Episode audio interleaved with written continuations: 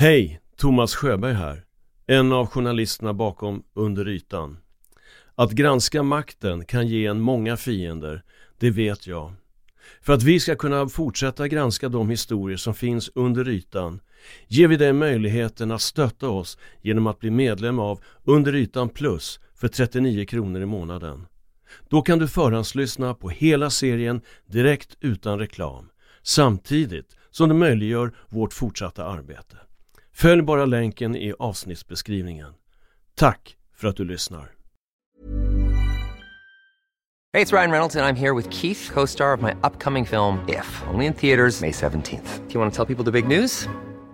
All right, I'll do it. Sign up now and you'll get unlimited for $15 a month in six months of Paramount Plus Essential Plan on us. Mintmobile.com slash switch. Upfront payment of $45 equivalent to $15 per month. Unlimited over 40 gigabytes per month. Face lower speeds. Videos at 480p. Active Mint customers by 531.24 get six months of Paramount Plus Essential Plan. Auto renews after six months. Offer ends May 31st, 2024. Separate Paramount Plus registration required. Terms and conditions apply if rated PG. Hiring for your small business? If you're not looking for professionals on LinkedIn, you're looking in the wrong place. That's like looking for your car keys in a fish tank.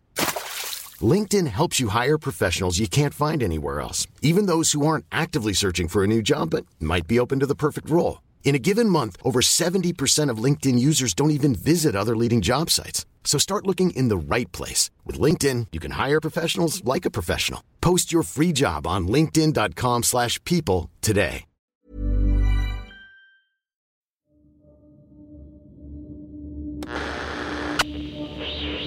Jag noterade en invändning kom att det verkar som att jag uppträder som att jag är inkvisitor. Det är den 16 oktober 2019 och kammaråklagare Thomas Hertz håller sitt slutanförande i Stockholms tingsrätt i målet mot Allras ledning, däribland Alexander Ernstberger. Hertz kommer in på hur han har uppfattats under förhandlingen som en inkvisitor.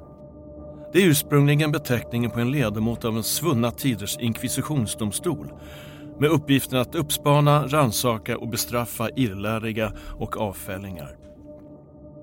Tankarna går onekligen till spanska inkvisitionen under medeltiden med tortyr som ett av verktygen för att framtvinga en bekännelse. Hertz är en färgstark person och ett av hans karaktärsdrag är det mustiga språket.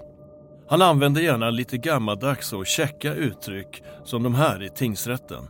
Så, då ska vi se så Linda svarar. Eh, det står tack och hej leverpastej, utredningen fortsätter något sånt där. Och från en intervju med Svenska Dagbladet. Jag tänker mig att det kanske kommer bli en så kallad huvudförhandling eh, under våren 2013. Eh, inte 2019. 2019. Mm. Tiden går fort när man har roligt. Ja. Hans retorik är slagfärdig, lättsam och spontan, vilket är ovanligt i en svensk rättssal. Han är snabb i repliken och lockar då och då till skratt. Det gör han inte. Det gör han inte. Han var orolig för vad jag skulle säga så att han avvek. Det är vi också. Thomas Hertz tycks ha en formidabel förmåga att hålla alla detaljer i ett omfattande ekobrottmål i huvudet.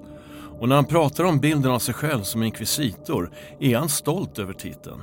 Jag ska inte bli långrandig men under förundersökningen så är det faktiskt så att jag är inkvisitor eller undersökningsdomare. Även om jag tycker att inkvisitor är en häftig titel så, så för den att kallas för åklagare. Under förundersökningsstadiet så är jag en objektiv undersökningsdomare.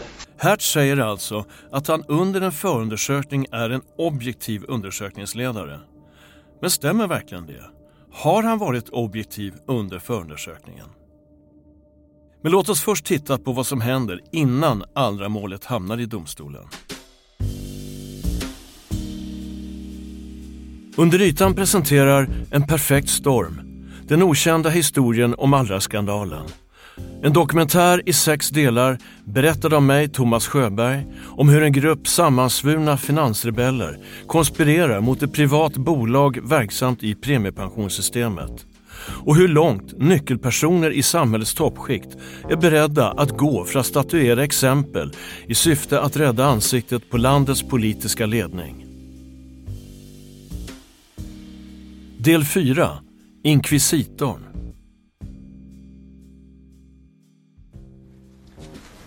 Sådär. Ursäkta att ni fick vänta lite grann på oss. Och välkomna hit till Pensionsmyndigheten. Vi har bjudit Torsdagen den 16 mars 2017.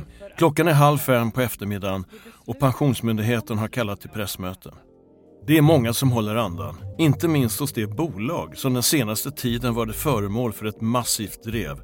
Inte bara från medierna, utan också landets högsta politiker. Sveriges Television är på plats och direktsänder. I studion förklarar ekonomireportern Johan Zachrisson vad det hela handlar om.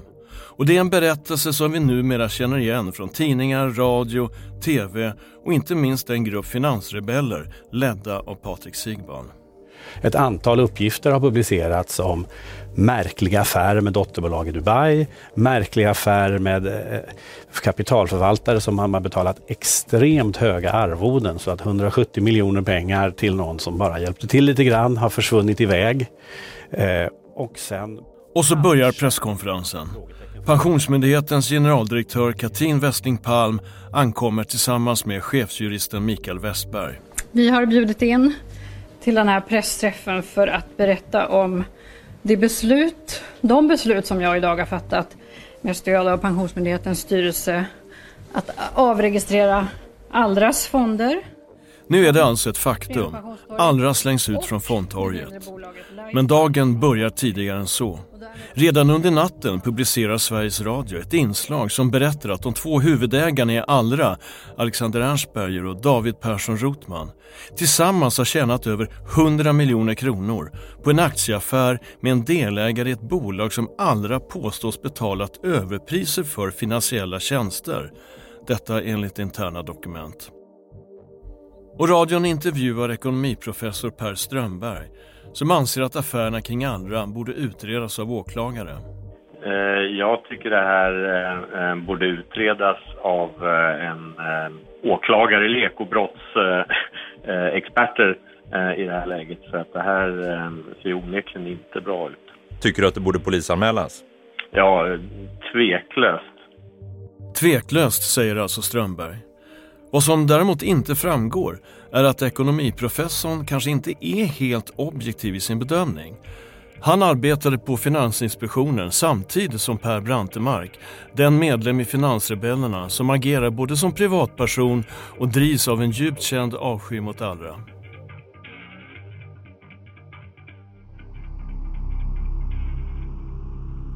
Men tillbaka till den 16 mars 2017. Dagen då Allras öde slutligen avgörs. Klockan 11.55, fem minuter innan deadline, lämnar Allra in svaren på de frågor som Pensionsmyndigheten krävt sedan köpstoppet en månad tidigare. Det är 260 fullmatade sidor och inkluderar ett utlåtande från professorn i rättsvetenskap Joakim Nergelius som skriver det går således att följa hur Pensionsmyndigheten ensidigt och på egen hand, såvitt kan bedömas helt utan stöd i lag, genom ändringar i samarbetsavtalet successivt utökat sina sanktionsmöjligheter mot förment felande fondförvaltare. Detta agerande strider, såvitt kan bedömas, helt mot reglerna i regeringsformens åttonde kapitel. En timme senare kallas Allras styrelse till ett telefonmöte med Pensionsmyndigheten. Det är med andra ord snabba puckar. Mötet ska börja kvart i fyra och Ernstberger mejlar Pensionsmyndighetens generaldirektör Katrin Westling Palm. Vi kan delta vid mötet, men vi skulle dock vilja veta syftet med mötet från myndighetens sida samt ta del av en agenda. Svaret kommer en dryg halvtimme senare. Vårt möte kommer att handla om utvecklingen av utredningen, svarar Westling Palm. Det hinner inte gå mer än någon timme innan Pensionsmyndigheten skickar ut en inbjudan till medierna om en pressträff. Ämnet är citat, information om utvecklingen i ärendet Allra. Slutcitat. För säkerhets skull twittrar myndigheten om det. Pensionsmyndigheten anordnar pressträff idag klockan 16.30 där information i ärendet Allra kommer att lämnas. Något som retweetas av Pensionsmyndighetens styrelseordförande Göran Hägglund. Klockan 15.33, en knapp halvtimme innan pressmötet ska börja, mejlar Patrik Sigban till Per Brantemark. Spänningen är olidlig. Ni har ingen webbsändning? Frågar han. Läget när Allras ledning sätter sig i telefonmötet med Katrin Westling Palm och chefsjurist Mikael Westberg är alltså att myndigheten redan tycks ha bestämt sig för något och det får alla veta nu. Vi hör på ena sidan Pensionsmyndigheten och på andra sidan hör vi Alexander Ernstberger, allra styrelseordförande Gunnar Axén och bolagets advokat Marcus Johansson. Nu, nu. Mikael Westberg här. Efter lite teknikstrul redogör Katrin Westling Palm för vad myndigheten hittills gjort för att utreda Allra och det beslut hon fattat. Då börjar vi mötet. Eh, vi har fått in ett underlag idag. Eh, vi har tagit del av det. Vi har eh, arbetat med vår egen utredning. Vi har haft kontakt med Finansinspektionen och andra myndigheter och vi har tagit del av, av era revisorers underlag. Och tillsammans med det här så har jag med stöd av Pensionsmyndighetens styrelse kommit fram till att vi måste avregistrera era fyra fonder och lämna in en ställorder i eftermiddag. Pensionsmyndighetens generaldirektör säger alltså att hon hunnit gå igenom de 260 sidor med svar som Allra skickat in till myndigheten bara några timmar tidigare. Hon lämnar nu över till chefsjuristen som berättar om motiven till beslutet. I korta drag, och vi kommer skicka en skriftlig underrättelse eh, med, med samma innehåll, eh, så handlar det om att eh, vi har kunnat konstatera att vi har haft väldigt omfattande koncerninterna transaktioner där de har stått för eh, huvudparten av koncernens vinst under 2015 och 2016. Det finns intressekonflikter kopplade till de här transaktionerna som vi anser att ni inte har hanterat. Vi drar slutsatsen att de här transaktionerna inte har skett i pensionsspararnas bästa, alltså det vill säga andelsägarens, andelsägarens bästa, eh, utan att det har varit andra motiv. Det i sig anser vi är en grund för att eh, avregistrera fonderna. Chefsjuristen upprepar det mantra som förföljer Allra genom hela den här processen. Det något luddiga begreppet en sammantagen bedömning. Det är en sammantagen bedömning och jag vill betona att det är en sammantagen bedömning. Det uppstår nu en obekväm tystnad medan Allra-sidan försöker ta in beskedet om att bolaget just sparkats ut från premiepensionssystemet. Ombud eh, via mejl idag skriftligen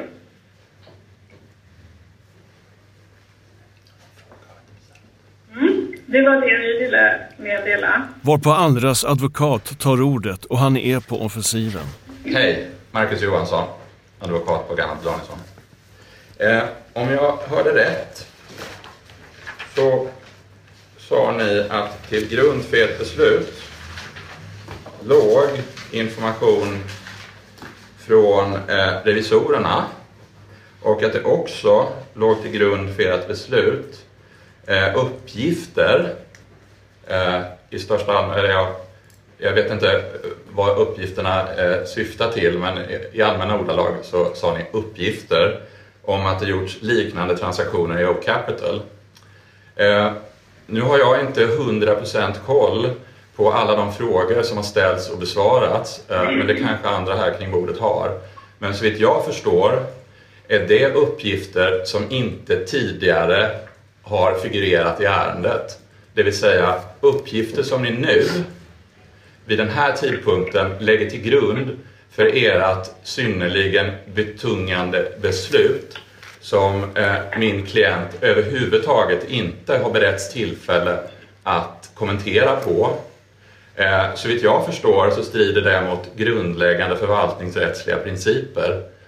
Men menar ni på fullaste allvar att ni kan fatta det här beslutet eh, som en myndighet utan att vi får en chans att besvara det som ni lägger till grund som en av de centrala delarna för det här beslutet. Är det, ska, ska vi anteckna det nu? Och generaldirektören svarar som hon brukar. Det är en sammantagen bedömning efter en djupgående och långtgående utredning. Vi har inte påstått att det är en av de centrala delarna. Vi, Mikael berättade just att det är en sammantagen bedömning vi har gjort en djupgående och långtgående utredning. Eh, vi, har, eh, vi har haft flertalet möten, vi har ställt många frågor. Och nu hettar det till i samtalet. Eh, jag vill bara poängtera att det har ingen större betydelse om det är det centrala eller inte centrala. Jag, not, jag sa centrala efter, eftersom det var en av de få sakerna som ni själva framhöll när ni själva drog skälen till ert beslut. Eh, principen är ju att allt... Vänta lite, låt mig få prata till punkt. Låt mig få prata till punkt.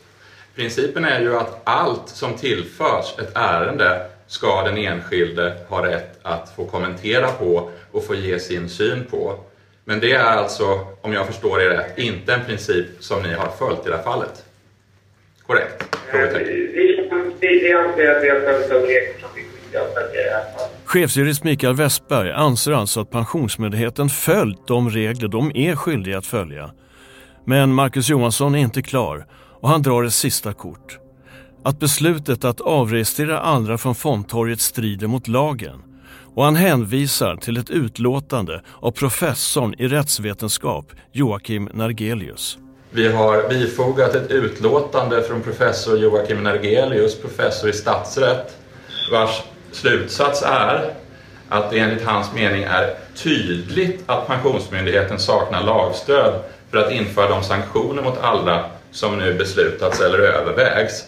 Vem hos er är det som har tagit ställning till Joakim Nergelius ståndpunkter? Men den frågan avfärdas snabbt av Pensionsmyndighetens chefsjurist. Han har, säger han, tagit del av professorns synpunkter, men det är allt han har att säga om det. Vi har, vi har, vi har tagit del av dem. Det är den kommentar jag lämnar. Vi kommer skicka ett skriftligt underlag som ni kan ta del av och vi kommer eh, besvara mina frågor. tror jag i den mån har ytterligare. Allra-sidan tror knappt sina öron när de får höra hur Pensionsmyndigheten resonerar. Beslutsunderlaget för att avregistrera Allra tycks otydligt och ensidigt. Och Marcus Johansson måste konferera med sina uppdragsgivare. Och de får tre minuter på mute. Kan, kan, vi, kan vi få en minut eh, på mute eh, innan vi återkommer till er igen? En minut. En minut. Två minuter. Tack. Var har vi muten? Ja, vad gör vi nu? Kan jag möjligen fråga dem om, om eh, hur de ser på konkurrensrätten till exempel? Jag får bara hälsa till svaret. Hänvisa till svaret. Man kan ju inte ge ett svar efter. Han måste väl ha ett beslut innan han går ut i, i media. Vi vill, måste ju se det skriftliga svaret innan, han går, innan de går ut i presskonferensen antar jag. Prata om en underrättelse. Ja. Men vad vi har förstått kommer de ha en presskonferens. Menar de Ja, då i alla fall. Eh, Frågan är bara om vi kan nu eh, hiva in någonting Och Alexander Ernstberg är mycket bekymrad och vet inte hur de ska agera. Pensionsmyndigheten har alltså redan kallat media till presskonferens och alla känner sig överkörda och frågan är hur de ska göra med de fonder som inte längre får finnas i premiepensionssystemet. Och läget tycks hopplöst. Och samtalet återgår till Pensionsmyndigheten och Marcus Johansson ställer en fråga som Katrin Westling Palm och Mikael Westberg inte tycks ha förväntat sig. Eh, vår fråga till er är, kommer vi att få era skriftliga beslut innan ni tänker deklarera ert beslut i media? Vi kommer skicka det så fort som möjligt. Ja, Det var inte min fråga. Min fråga var, kommer vi att få det före... Ursäkta? Jag kan inte lova hur, hur, postgången är, men ni kommer få det. Ni har fått beskedet. Det är den överenskommelse vi har haft med, med, med Gunnar Östhed och Alexander Ernstberg under hela processen. Att vi skulle inte bara skicka, utan vi skulle ha en, en muntlig avlämning här. Absolut, och det har ni, det har ni haft nu. Men, men min fråga till er är, kommer vi att få ert skriftliga beslut? Och jag är säker på att ni kan skicka den per e-mail till Alexander eh, före det att ni ska redogöra för den på er pressträff. Eller kommer vi att sväva i ovisshet om den närmare motiveringen medan ni drar den? Kommer skicka det nu Tack, svar på frågan. till, till mig. Vad var det som egentligen hände här? Pensionsmyndigheten tycks redan innan de fick Allras omfattande lunta med detaljerade svar på myndighetens frågor ha bestämt sig för att avsluta samarbetet med Allra och därmed slänga ut bolaget från fondtorget. Så frågan är, hade Pensionsmyndigheten verkligen hunnit gå igenom de 260 sidorna de fick från Allra bara några timmar tidigare samma dag? Vi hör Mikael Westberg få en fråga om det under pressmötet.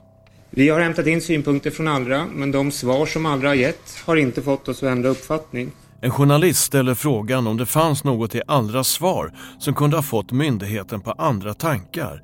Och det är Katrin Westling Palm som svarar. De här 35 frågorna, följdfrågorna ni ställde och som Allra svarar på idag. Du sa, eller Katrin sa att du fick er inte att ändra uppfattning. Men var det, var det någonting i det som hade kunnat ändra situationen? Nej, det var det inte. Alltså beslutet var redan fattat? Nej, det var det inte. Vi har, vi har analyserat det också. Men det är en sammantagen bedömning som vi var inne på här tillsammans med den information vi har fått från de här myndigheterna och tillsammans med det underlag vi har fått från revisorerna från Allra. Men vi har tagit del av det de lämnade in idag och analyserat det också. När vi under arbetet med den här dokumentären träffar Alexander Ernstberg på anstalten ser han tillbaka på telefonmötet med Pensionsmyndigheten. Jag tycker också att det, det kändes märkligt det här mötet, ungefär som att det var väldigt eh, forcerat från Pensionsmyndighetens sida. Det var väldigt, dåligt förberett. De var inte förberedda på några frågor. Så fort de fick frågor så slog de ifrån sig bara så att vi har fattat vårt beslut i princip. Och eh, så här får det inte gå till i, i liksom statligt förvaltad verksamhet. Det kan ju inte vara så att en, en myndighet säger upp ett så omfattande avtal eh, på så godtyckliga skäl eller grunder. Alltså vi, vi fick inte ens något skriftligt beslut innan, innan det annonserades i media. Så att vi tyckte att det här var helt förskräckligt. Senare på dagen den 16 mars skriver Patrik Sigbarn ett inlägg i Småspararguidens blogg. Pensionsmyndigheten kastar ut och polisanmäler skurkarna i Allra. Det innebär att 102 000 svenskar och deras 16 miljarder pensionspengar kommer att hamna i tryggt förvar i AP7 Sofa, Småspararguidens favoritfond i PPM. Men motgångarna för Allra är inte slut. Under pågående presskonferens meddelar Pensionsmyndighetens chefsjurist att Allra nu kommer att polisanmälas. Eh, har ni polisanmält Allra? Vi kommer polisanmäla Allra i närtid. I en efterföljande intervju säger han dock att Pensionsmyndigheten redan har polisanmält Allra. Vårt beslut. Vi har också polisanmält Allra och den polisanmälan får visa närmare vad som har inträffat egentligen. En av de anledningar som Pensionsmyndigheten anger för att sparka ut Allra från premiepensionssystemet är att bolagets revisorer från Deloitte pekat på allvarliga brister. Vi hör Mikael Westberg igen. Vi har också som Katrin nämnde tagit del av revisorernas mycket allvarliga anmärkningar inom Allra-koncernen. Det är alltså Allras egna revisorer som har ställt frågor om samma händelser som har varit föremål för vår utredning och som har ifrågasatt om transaktionerna inom Allra-koncernen verkligen har varit till fondandelarnas bästa. Revisorerna har gett uttryck för att de känner stor tveksamhet utifrån ett sundhetsperspektiv för förhållandena inom Allra. Beskedet överraskar de ansvariga i Allra.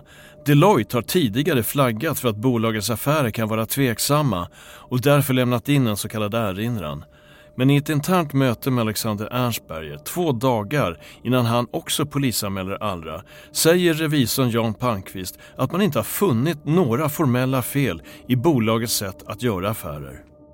Och vi hörde ett ljudklipp från det mötet. Däremot så är det ju så att hittills så har vi ju inte kunnat bevisa eller styrka att något formellt fel har gjort. Däremot så har vi ju inte heller kunnat bevisa eller styrka att ni har gjort rätt. Så det är ju där vi befinner oss. Mm. Men, och det är, det är jag menar, det är en frustration i sig från vår sida också. För vi brukar inte hamna i de här situationerna. Antingen är det, antingen är det svart eller vitt. Och vi, vi, vi, vi, vi kan inte styrka varken eller här. Mm. Och det är därför det känns så bra att man kanske låter en oberoende part titta på detta också. Och ta in en, någon form av second opinion. Har vi tänkt fel? Har vi tänkt rätt? Ja, ni förstår. Det Jan Palmqvist säger här om att ta in en second opinion kommer också att ske, men mer om det senare. Något har alltså fått Palmqvist att ändra sig. På kvällen den 16 mars 2017, alltså samma dag som pressmötet hos Pensionsmyndigheten, polisanmäler han ändå Allra.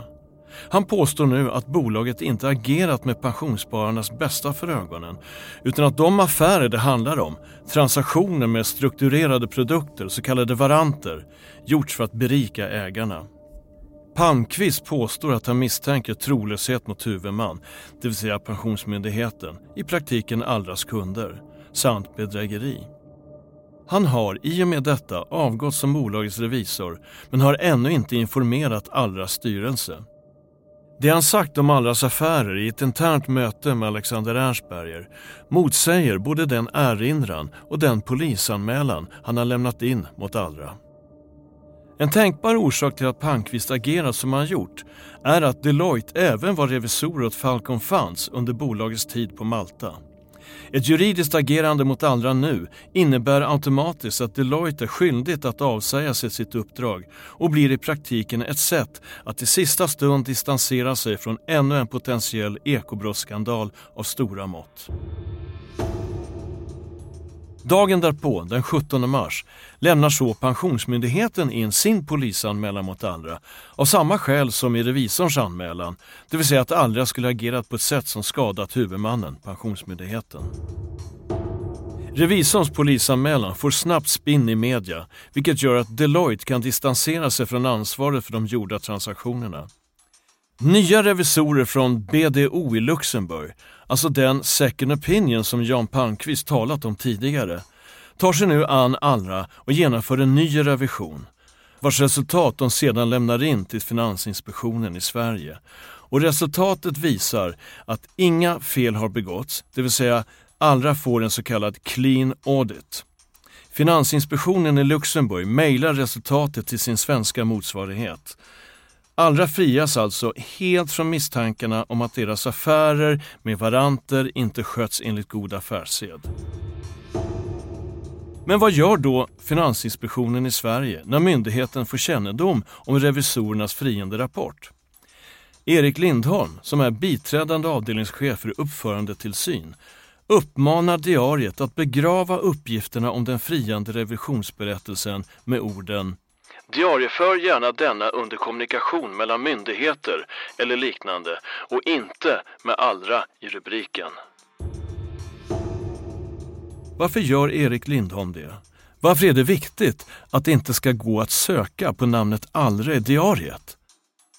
Vi har sökt Lindholm. Han vill inte medverka i vår podcast men skriver i ett mejl. Det kan ha varit så att det fanns olika förvalda rubriceringar i diariet och att den rubriceringen, kommunikation mellan myndigheter, fanns som ett alternativ och helt enkelt var den som bäst passade. Men frågan om varför det var så viktigt att namnet Allra inte syntes i diariet får vi inget svar på.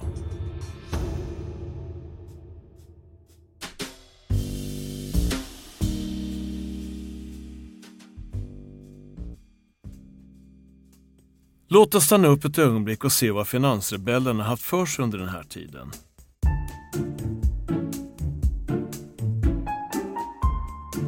Patrik Sigbarn på Småspararguiden och Mattias Granqvist med ett förflutet på Finansinspektionen. Mellan den 1 och 14 mars förbereder de en rapport om Allra beträffande transaktioner. Dels mellan Allra-koncernen och Oak Capital, dels transaktioner inom Allra-koncernen. De här transaktionerna har enligt anonyma tips inte genomförts med pensionsspararnas bästa för ögonen utan till gagn för ägarna av Allra och Oak Capital. Rapporten ska lämnas in till Ekobrottsmyndigheten. Det intressanta är att det är Per Brantemark som ska vara den officiella leverantören av rapporten. Men ett utkast skickas till hans privata mejladress. Det är viktigt, understryker Mattias Granqvist, att dokumentet inte kan spåras och att författarna till rapporten inte avslöjas.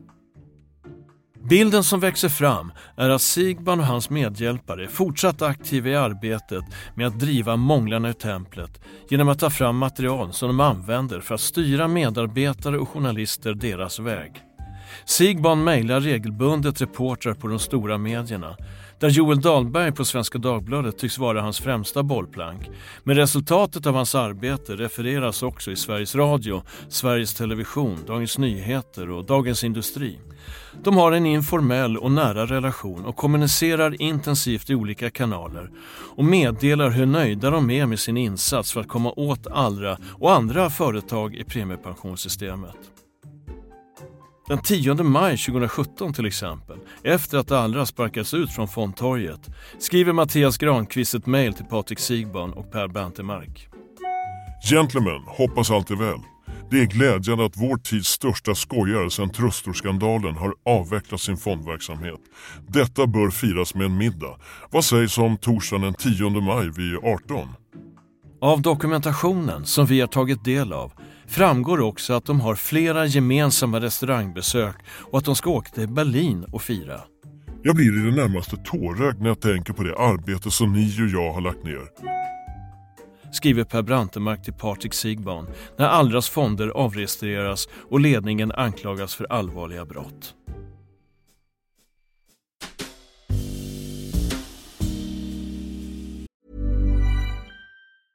Ryan Reynolds here from Mint Mobile. With the price of just about everything going up during inflation, we thought we'd bring our prices down. So to help us, we brought in a reverse auctioneer, which is apparently a thing. Mint Mobile unlimited premium wireless. Ready to get 30, 30, bit to get 30, bit to get 20, 20, 20, bit to get 20, 20, bit to get 15, 15, 15, 15 just 15 bucks a month. So, Give it a try at mintmobile.com slash switch. $45 upfront for three months plus taxes and fees. Promo rate for new customers for limited time. Unlimited more than 40 gigabytes per month. Slows. Full terms at mintmobile.com. If you're looking for plump lips that last, you need to know about Juvederm lip fillers. With Juvederm Volbella XC and Juvederm Ultra XC, your lip look, whether it's subtle or bold, can last up to one full year with optimal treatment and no additional maintenance. Find a licensed specialist and see if it's right for you at juvederm.com today. That's J U V E D E R M.com. Add fullness to lips in adults over 21 with Juvederm Volbella XC or Juvederm Ultra XC. Do not use if you have severe allergies or a history of severe allergic reactions, or if you're allergic to lidocaine or the proteins used in Juvederm. Tell your doctor if you have a history of scarring or taking medicines that decrease the body's immune response or that can prolong bleeding. Common side effects include injection site redness, swelling, pain, tenderness, firmness, lumps, bumps, bruising, discoloration, or itching. As with all fillers, there's a rare risk of unintentional injection into a blood vessel, which can cause vision abnormalities, blindness, stroke, temporary scabs, or scarring. For full important safety information, visit juvederm.com.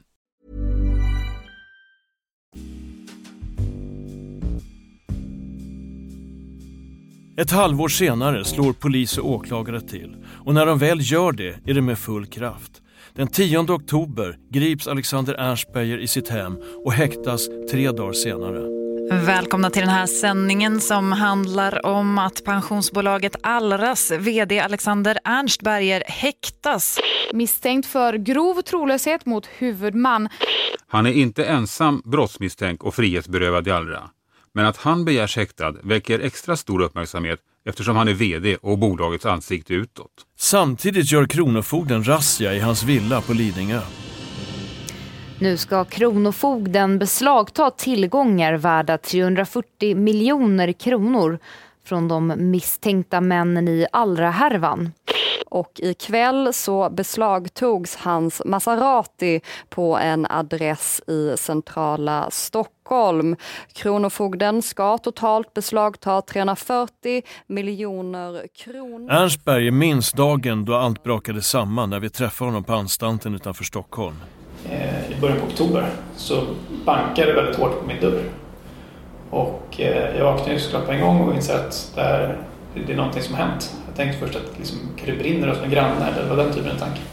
Så jag rusar upp och eh, ser då genom lamellerna som en persienn bredvid dörren ett flertal personer med gula västar utanför. Så att jag öppnar dörren och instormar de här personerna och säger att det är husrannsakan. De kommer från Ekobrottsmyndigheten. Eh, vapen. Och det första de frågade var vart har du ditt vapenskåp? För då har de ju såklart kännedom om att jag har eh, vapenlicens. Så att, eh, då fick jag gå ner och öppna upp det så att de kunde så att säga, osäkra det. Eh, och sen så kryllade det ut av personal i mitt hus. Liksom.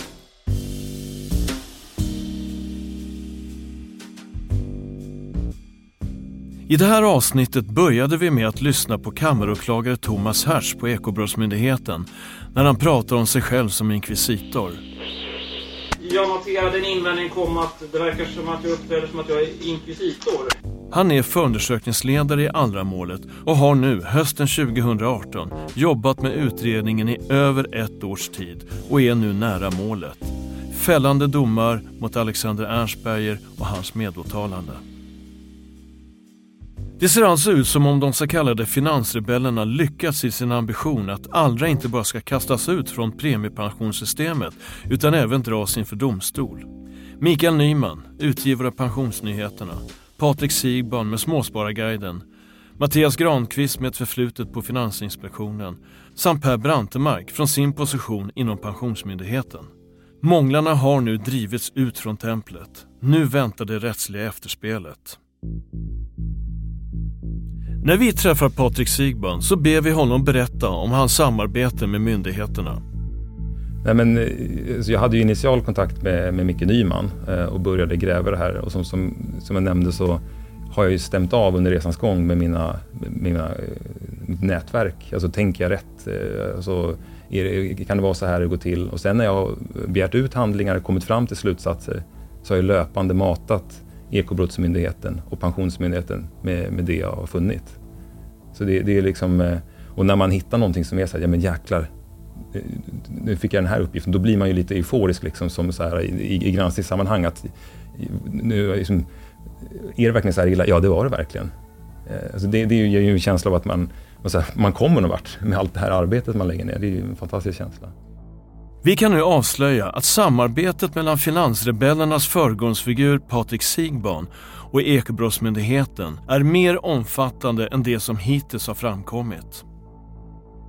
Ett tydligt exempel på samarbetet är ett blogginlägg som Patrik Sigban publicerade den 12 april 2018 med rubriken “Åklagaren presenterar tung bevisning i Allra-fallet”. Sigban är jublande glad och skriver i Småspararguidens blogg vår bedömning är att bevisningen är starkare än vi kunnat föreställa oss. Det finns ett uppenbart uppsåt att mjölka spararna på pengar, berika sig själva, sopa igen spåren och ta fram planer för om myndigheterna kommer på dem. Han publicerar åklagarens häktningsframställan mot Mattias Bengtsson, en av de misstänkta i Allra-målet. Och med ett klick kan läsaren ladda ner hela Hertz utredningspromemoria beträffande Bengtsson. Regeln är att en förundersökning blir offentlig först efter att åklagaren lämnat in en stämningsansökan till tingsrätten. Men här får alltså Sigban tillgång till en utredningspromemoria om åklagarens misstankar mot en av de huvudmisstänkta i Allra-målet som är anhållen i sin frånvaro och efterlyst. Och det är ett omfattande material, 106 sidor. Hur gick då det här egentligen till? Av deras kommunikation framgår att kammaråklagare Thomas Hertz klockan 20.19 den 11 april skickar ett mejl till Patrik Sigban. Jag tänkte att du kunde vara intresserad av denna. Jag kommer inom kort att färdigställa en promemoria inför en förhandling som sannolikt kommer att kunna lämnas ut. Och två och en halv timme senare mejlar han på nytt. Bifogade handling kan lämnas ut utan hinder av sekretess. Och bifogar en utredningspromemoria. Men sju minuter senare korrigerar han sig. Det blev ju såklart fel. Det var den nu bifogade jag menade. Den tidigare var förvisso inte heller hemlig, men den var heller inte ny. Patrik Sibon arbetar sent. 20 minuter i två, natten den 12 april, svarar han Tack för dokumenten. Vilket gediget material ni har kommit över. Och han bifogar en länk till sin sammanfattning av utredningspromemorian i Småspararguidens blogg. Klockan halv åtta på morgonen svarar Thomas Hertz. Det var snabba puckar. Den som är journalistiskt lagd kan ju fundera en sväng över hur väl detta stämmer överens med vad som från berörda parter berättas om i media. Följt av ett tidningscitat av just Mattias Bengtsson. Och fortsätter. Jag läser för övrigt dina mejl. Även om jag av förhoppningsvis förståeliga skäl inte kan kommentera eller återkoppla. Det är en komplex materia och jag tror att många är tacksamma över alla journalistiska försök att göra det hela mer begripligt. Fem dagar senare, den 17 april, mejlar åklagare Hertz ytterligare utredningsmaterial och han skriver Detta blev offentligt idag i samband med att Mattias Bengtsson häktades för givande av muta.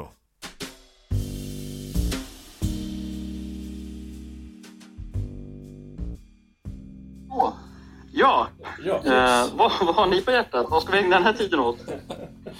Vi tänkte prata om Allra, vi gör ju då den här podden. När vi frågar Thomas Hertz om hans samarbete med Patrik Sigban är han sedan en vecka på semester på andra sidan jordklotet och intervjun sker via Zoom-länk. Hur pass mycket hjälp hade du utav Patrik Sigban skulle du vilja säga i ditt arbete med förundersökningen? Inget alls. Eh, så vi, ja, jag kan inte föreställa mig att Patrik Sigban skulle ha tillfört utredning. Eh, jag kan inte ens föreställa mig hur han skulle kunna ha tillgång till den typen av utredning. Ja. Jag, jag, kan inte eh, ens föreställa mig vilken typ av information som han skulle ha tillfört som jag inte redan hade. Nej, jag, jag bara noterar här på i Småspararguiden så ska vi se i 12 april 2018 så skriver han sent igår kväll tog vi emot åklagarens sammanfattning av de misstänkta brottsliga affärerna som gjorts av andra och här under 2012.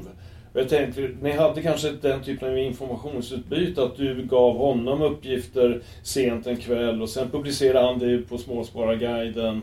Alltså, jag, jag fick för mig att ni hade ett ganska tätt samarbete. Nej. Oh nej. Så så fungerar inte rättsväsendet i Sverige, ska man vara tydlig med. Eh, utan alla uppgifter, eh, det är liksom ingen polsk riksdag eller, eller syjunta. Utan förundersökning bedriver man att man frågar någon specifika saker för att få ut specifika uppgifter. Sen får man tillbaka det. Eh, skulle jag utbyta information eller inhämta information med Patrik då kan det bara ske inom ramen för ett förhör. Man kan naturligtvis prata allmänt, men det skulle förmodligen inte komma i fråga att jag lämnar ut uppgifter eller att jag tar emot uppgifter som jag bedömer har betydelse och sen kastar jag närmast i papperskorg. Det är inte så man bedriver en utredning. Men hade ni, hade ni problem med läckage på Ekobrottsmyndigheten? Uh, upplever du det? Alltså till media? Nej, alla uppgifter under förundersökningen föredrogs bara inom slutna rum. Så jag vet precis vilka personer som har haft tillgång till informationen i förundersökningen. Någon utomstående kan inte ha fått tagit del av informationen. All right. Stämmer det Thomas Hertz säger om samarbetet med Patrik Sigban? Vi har tagit del av uppgifter som visar att de under förundersökningen har ett omfattande informationsutbyte som delvis sker kvälls och nattetid och med ett ibland förtroligt tonfall. Samarbetet sträcker sig bakåt i tiden till veckan innan jul 2017. Klockan halv elva på kvällen den 17 december mejlar Sigban till Hertz med anledning av tips han har om Allra och ett annat fondbolag som han också undersöker. Sigban skriver Efter allt mitt grävande så känns det så chockerande att äntligen få se det svart på vitt. Så himla enkelt och så himla utstuderat. Tack för att du delade. I mitt inlägg om Solidar insinuerar jag att Allra använt samma metoder på Malta. Jag har nu hittat ett av certifikaten som de använt för detta. Det talar för att Allra-ligan kommit över upp till 138 miljoner kronor via Malta. Skriver han och avslutar. Är detta information du redan tagit del av eller kan jag bistå här? Hertz svarar morgonen därpå. Jag är tacksam för alla uppslag. Det kan göra det lättare för mig att prioritera. Varpå Sigban skriver. Hur jobbar du i mellandagarna? Kanske lättast att försöka stämma träff eller höras på telefon. Det jag hittat rör alltså mjölkningar där pengarna gått rakt till Allras företrädare och inte till varken en mellanhand i marknaden eller till ett dotterbolag i koncernen. Kanske kan det ge starkare bevis för uppsåtet med transaktionerna. Hertz svarar att han som förundersökningsledare har svårt att hantera information som närmar sig tips och kan röra annat än det som han just nu undersöker. Han hänvisar därför till en utredande polis på Ekobrottsmyndigheten och som kan sortera Sigborns information. Den polismannen blir ännu en centralt placerad källa som gärna tar emot hans tips. Så här ser alltså samarbetet mellan finansrebellen och aktivisten Patrik Sigban och åklagaren på Ekobrottsmyndigheten ut vintern och våren 2017-2018. Men det visar sig att Sigman får tag i ännu en källa. En person som har detaljerad och ingående information om förundersökningsarbetet. Personen, vi kan kalla honom Karl Andersson, använder en privat Gmail-adress i kommunikationen med Sigban. Den information som denne Karl Andersson delar med Patrik Sigban är så detaljerad och så omfattande att endast en person med väldigt god insyn i Thomas Hertz utredningsarbete rimligtvis kan ha tillgång till den. Samarbetet pågår från senhösten 2017 till sommaren 2018 när förundersökningen ännu inte resulterat i åtal. Karl Andersson är till synes väl insatt i de affärer som gäller Allra-koncernen. Han är väldigt aktiv och tar fram dokumentation om Allra och dess ledning han har fått från bland annat Finansinspektionen. Och han skickar de häktningsframställningar åklagaren lämnar in till tingsrätten, det vill säga information som är allmän handling. Det intressanta sker när informationen ändrar karaktär. I slutet av 2017 skriver Karl Andersson till Patrik Sigban. Tack för din granskning av Oak. Utan ditt skickliga grävande och din kunniga analys i början av året hade nog de skumma Oak-affärerna aldrig uppmärksammats. Kan tips lämnas till dig och Småspararguiden här med källskydd?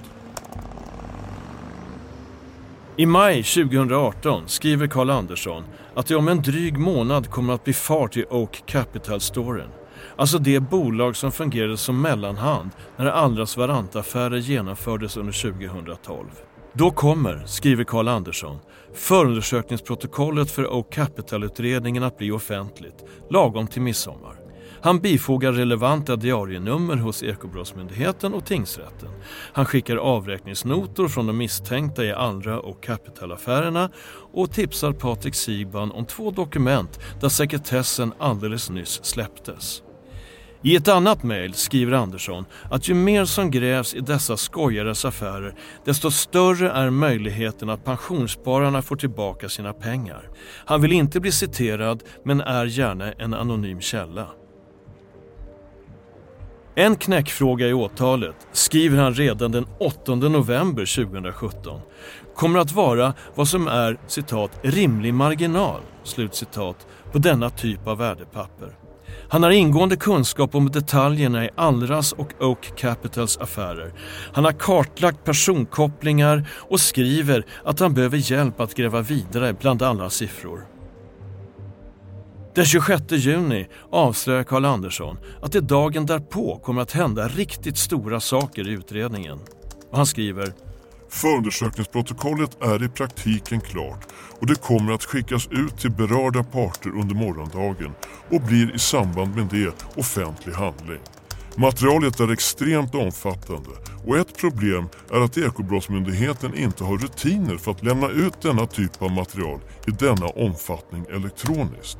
Ska man hämta upp det från Ekobrottsmyndigheten blir det alltså en enorm mängd utskrifter. Skulle inte förvåna mig om det blir en helt ohanterlig mängd lådor faktiskt. Det fina är att Pensionsmyndigheten kommer att få en elektronisk kopia av förundersökningsprotokollet som då blir en inkommen handling till Pensionsmyndigheten och kan lämnas ut elektroniskt därifrån. Skulle du vara intresserad av att samarbeta kring utlämnandet?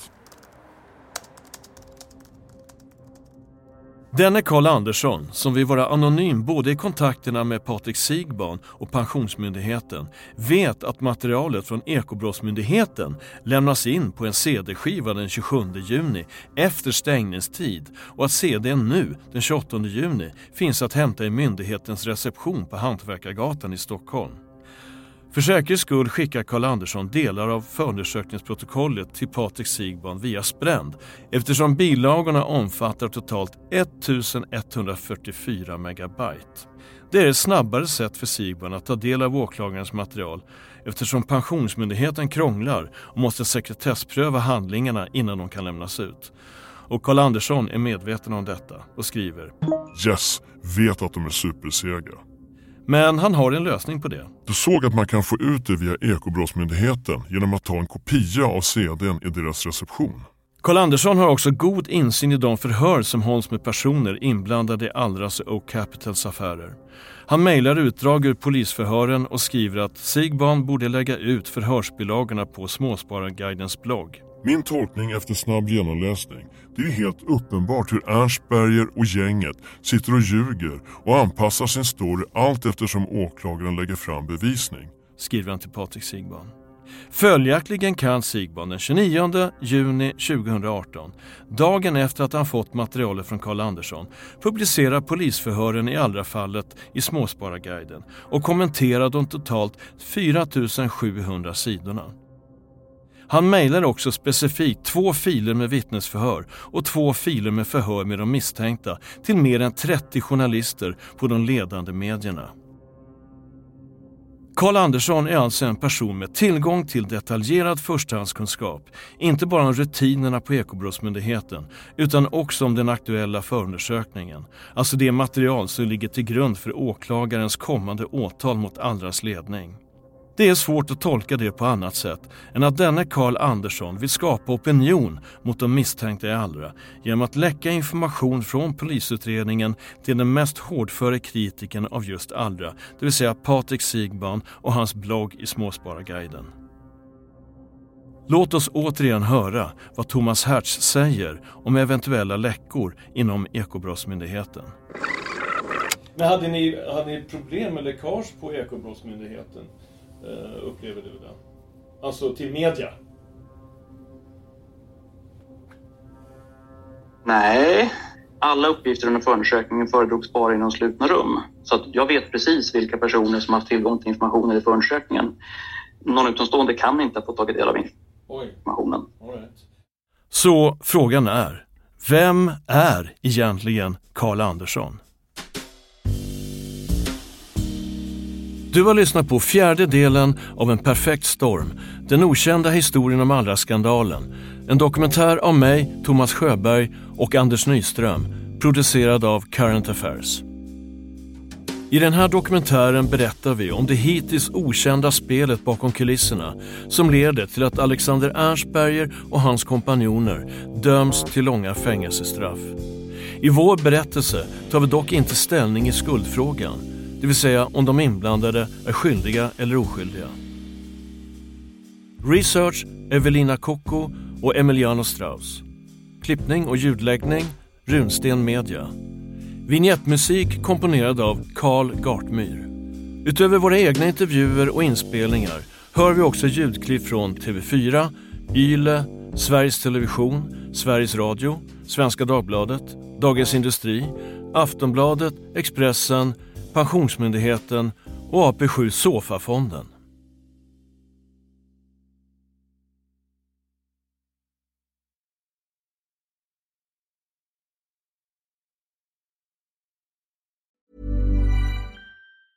Even when we're on a budget, we still deserve nice things. Quince is a place to scoop up stunning high-end goods for 50 to 80% less than similar brands. They have buttery soft cashmere sweaters starting at $50, luxurious Italian leather bags, and so much more. Plus, Quince only works with factories that use safe, ethical, and responsible manufacturing. Get the high-end goods you'll love without the high price tag with Quince. Go to quince.com/style for free shipping and 365-day returns. Grävande journalistik kräver mycket tid och arbete. Därför vill vi erbjuda dig ett sätt att stötta oss så att vi kan fortsätta granska historier som finns under ytan. Om du blir medlem i Under ytan plus för 39 kronor i månaden kan du lyssna på hela serien direkt utan reklam samtidigt som du möjliggör vårt fortsatta arbete. Följ bara länken i avsnittsbeskrivningen. Tack för att du lyssnar.